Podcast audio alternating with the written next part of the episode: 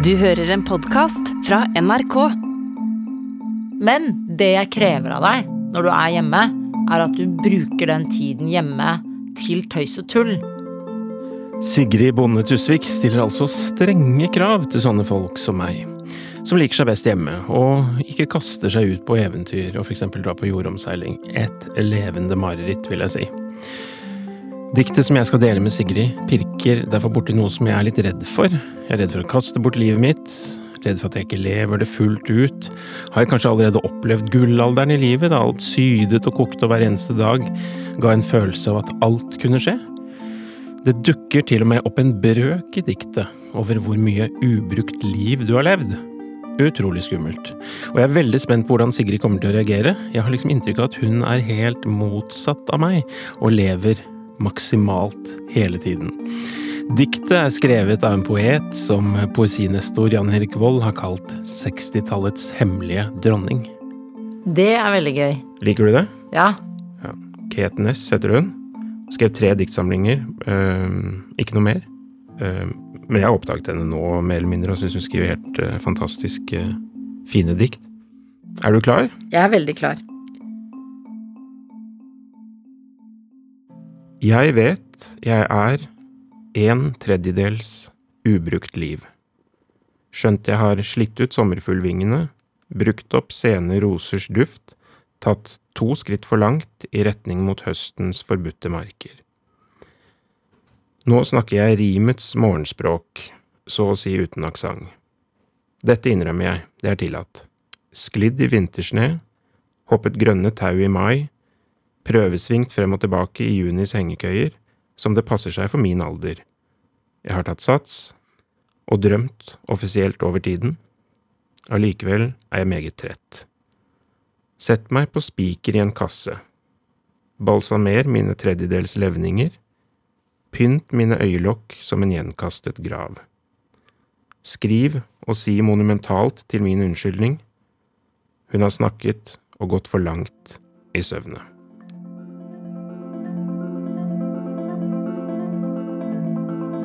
Det var det. Det var fantastisk. Syns du det? Hva het det? Eh, erklæring. Fy søren. Aldri hørt. Det var helt rått. Det var veldig hvor, Vet vi hvor gammel hun var når hun skrev det? Det var i 1964, og hun var vel født i 1937 eller 38, så det blir jo ganske ungt. Ja, veldig ungt. Allerede. Ja, Hun er jo levde fem, hun er ikke mer enn 5-26 år, faktisk. Prøver å Hvordan er det mulig, det? det. Veldig stilig. Eh, den siste setningen, hva var det? De to siste? Eh, skriv og si monumentalt til min unnskyldning. Hun har snakket og gått for langt i søvne. Jeg skal gi deg eh, teksten Hun har snakket og gått for langt i søvne. Det var veldig tra, Det traff meg veldig. Jeg går veldig mye i søvne. Gjør du det? Men hva med dette med 'jeg vet jeg er en tredjedels ubrukt liv'? Ja, Lik, eh, fint med en brøk. enig. Det er ikke ofte du blir utsatt for i dikt. En tredjedels ubrukt liv.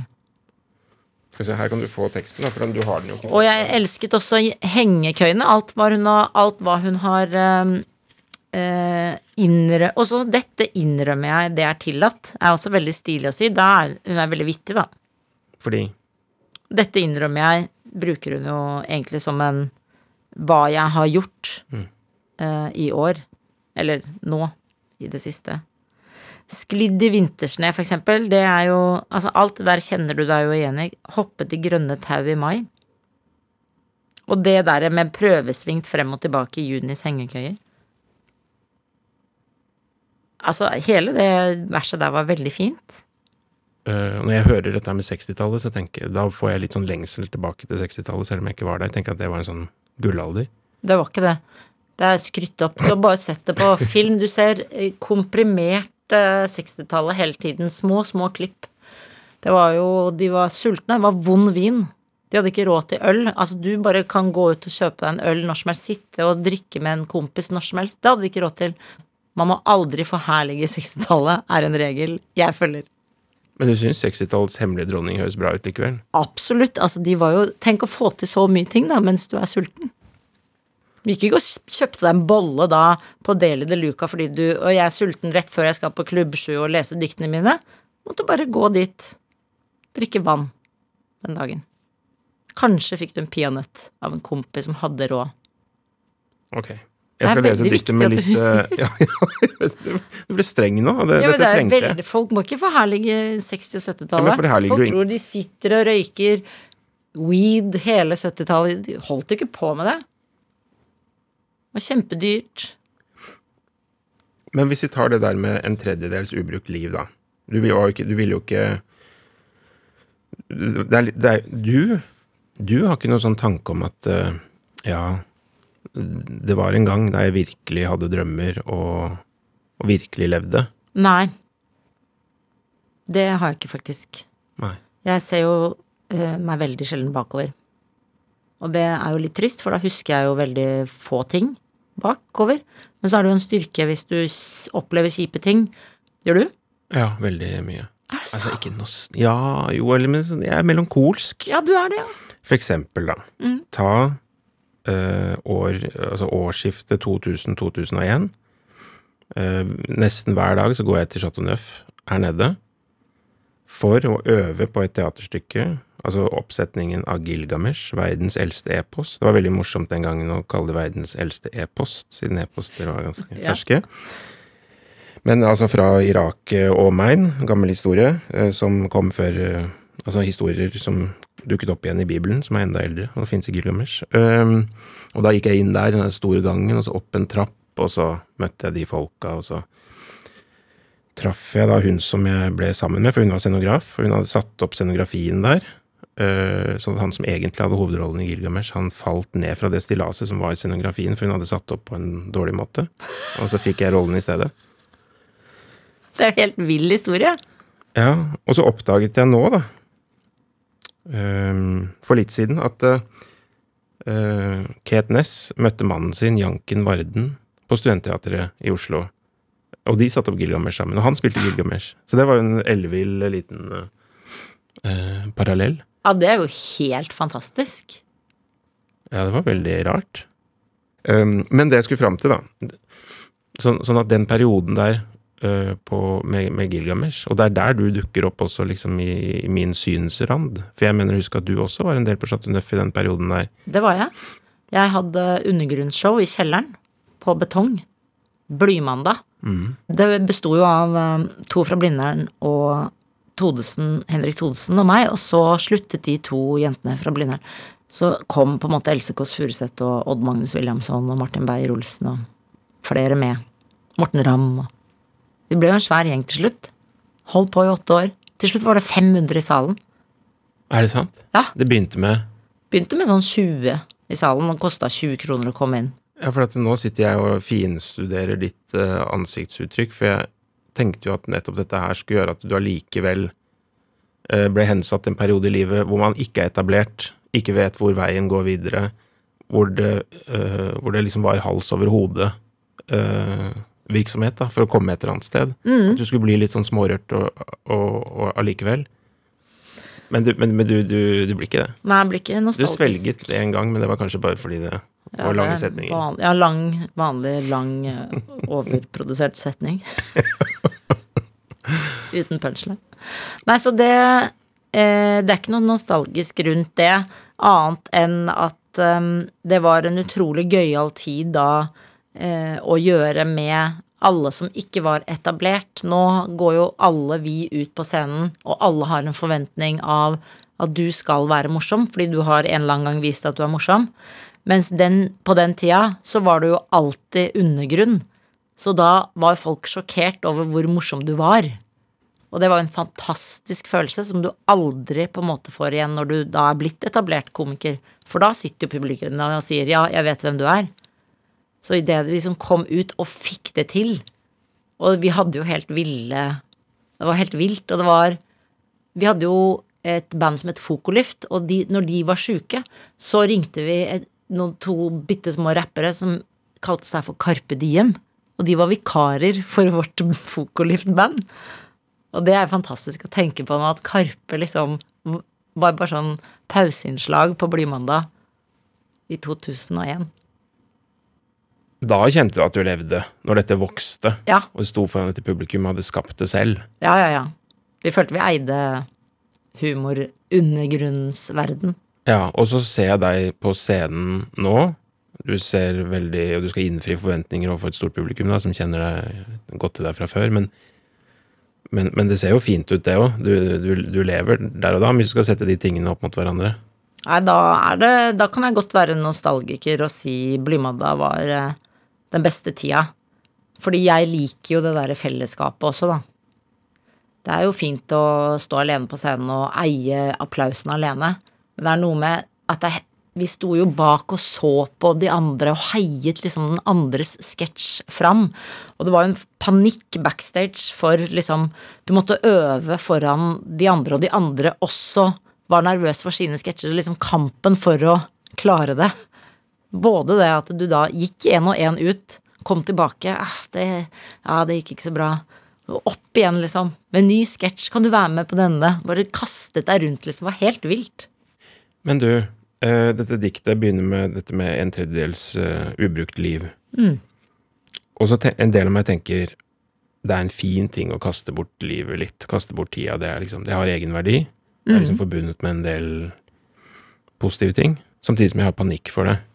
Uh, altså, har du brukt livet ditt ordentlig så langt?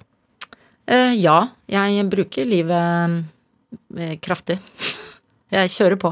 Ja, du jeg, gjør det? eh, Ja, jeg er ekstremt redd for døden, så jeg, eh, jeg har, føler hele tiden at jeg må alltid ha levd det livet helt fullt ut. Jeg må Jeg sier veldig sjelden nei, for jeg tenker alltid du må bare si ja. Det kan hende det skjer noe. I om en måned eller et år eller Så det er Så det er jeg veldig eh, opptatt av det, men jeg er jo veldig sånn familiær òg, da. Mm. Jeg sier jo ikke ja til sånn Vil du være med på jordomseiling seks måneder? Det sier jeg ikke. Det må passe mitt liv. Ja.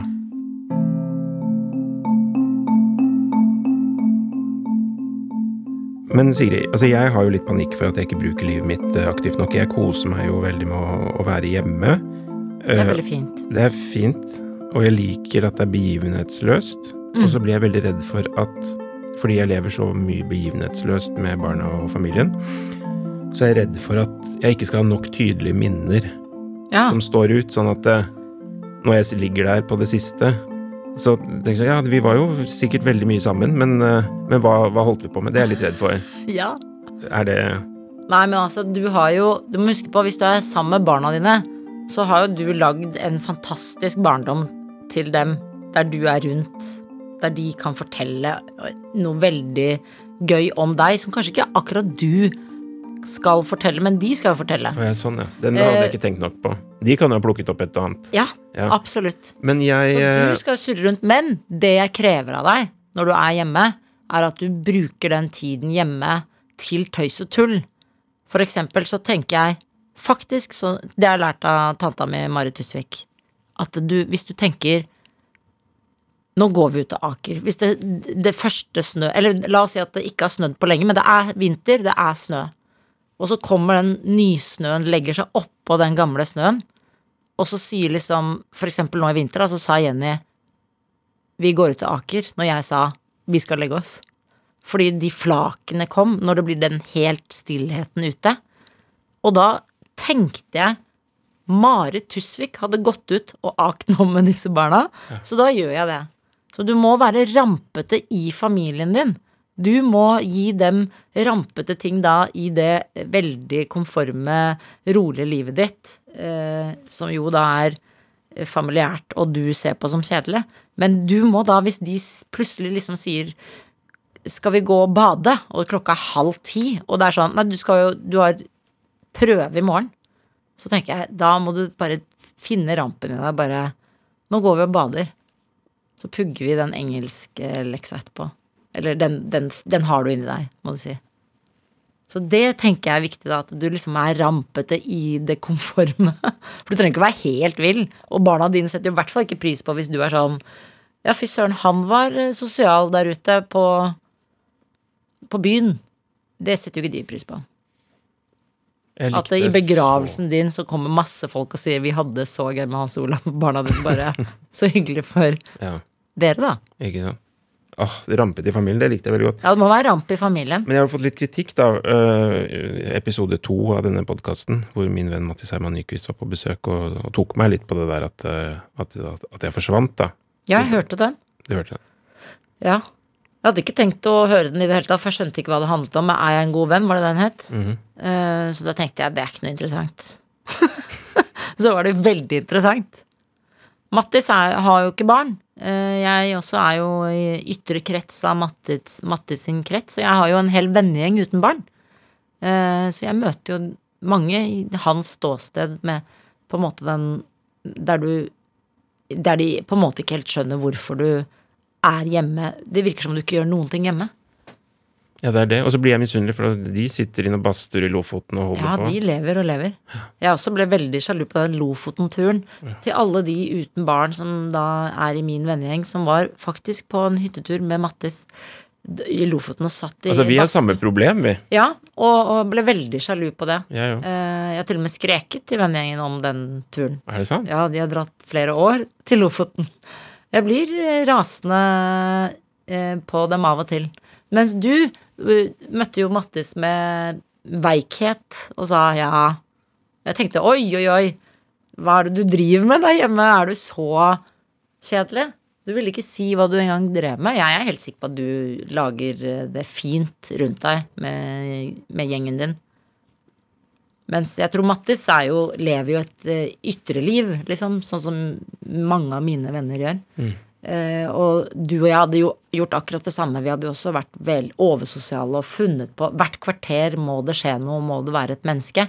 Mens når du har barn og, og familie, så er jo det på en måte det bare Du er jo bare en liten symbiose, en liten celle som bare liksom driver rundt i hverdagen. Og det er jo det magiske.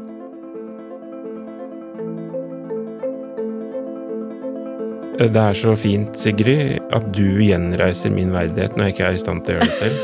Ja, men det er Jeg er jo kristenkonservativ når det kommer til familie. Altså, det er jo helt uh, jeg, jeg mener at det er Vi glemmer hvor viktig det er, da. Uh, tusen takk for at du kom, Sigrid Bonde Tusvik. Tusen takk for meg. Jeg tar og leser diktet Jeg leser diktet en gang til. Mm. Jeg vet jeg er en tredjedels ubrukt liv. Skjønt jeg har slitt ut sommerfuglvingene, brukt opp sene rosers duft, tatt to skritt for langt i retning mot høstens forbudte marker. Nå snakker jeg rimets morgenspråk, så å si uten aksent. Dette innrømmer jeg, det er tillatt. Sklidd i vintersne, hoppet grønne tau i mai, prøvesvingt frem og tilbake i junis hengekøyer, som det passer seg for min alder. Jeg har tatt sats, og drømt offisielt over tiden. Allikevel er jeg meget trett. Sett meg på spiker i en kasse. Balsamer mine tredjedels levninger. Pynt mine øyelokk som en gjenkastet grav. Skriv og si monumentalt til min unnskyldning. Hun har snakket og gått for langt i søvne.